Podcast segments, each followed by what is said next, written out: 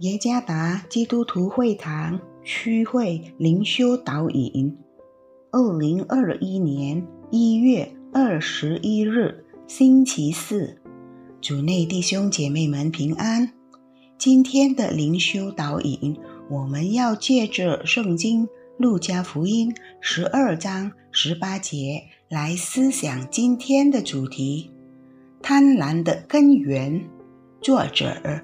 陈顺安传道，《路加福音》十二章十八节，又说：“我要这么办，要把我的仓房拆了，另盖更大的，在那里好收藏我一切的粮食和财物。”说到植物，我们大家对它们的根必不陌生，根。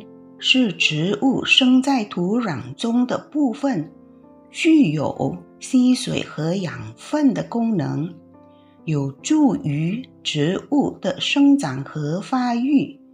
没有根，植物就会死，因为无法将养分分配到植物的其他部分。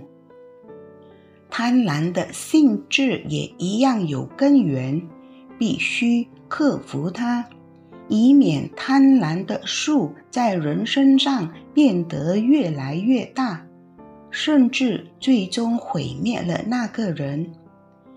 今天所阅读的第十八节中，主耶稣所给的比喻，那财主不断的说：“我，我，我，又是我。”如果注意这段经文，我们会发现，贪婪的根源不是因为拥有财富，而是自我为中心的态度。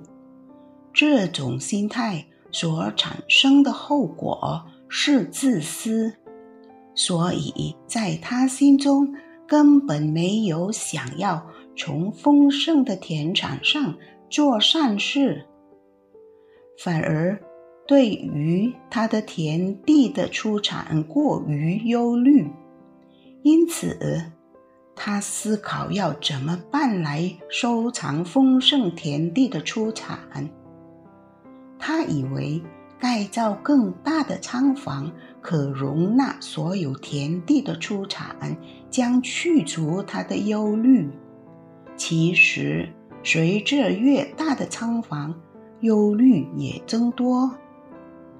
透过今天所阅读和思想上帝的道，我们晓得贪婪的根源在于自我为中心的态度。知道了这一点，无论是由于过度忧虑，还是其他原因。我们不再成为以自我为中心的基督门徒，让我们的生活专注于上帝以及他在我们生命中的旨意。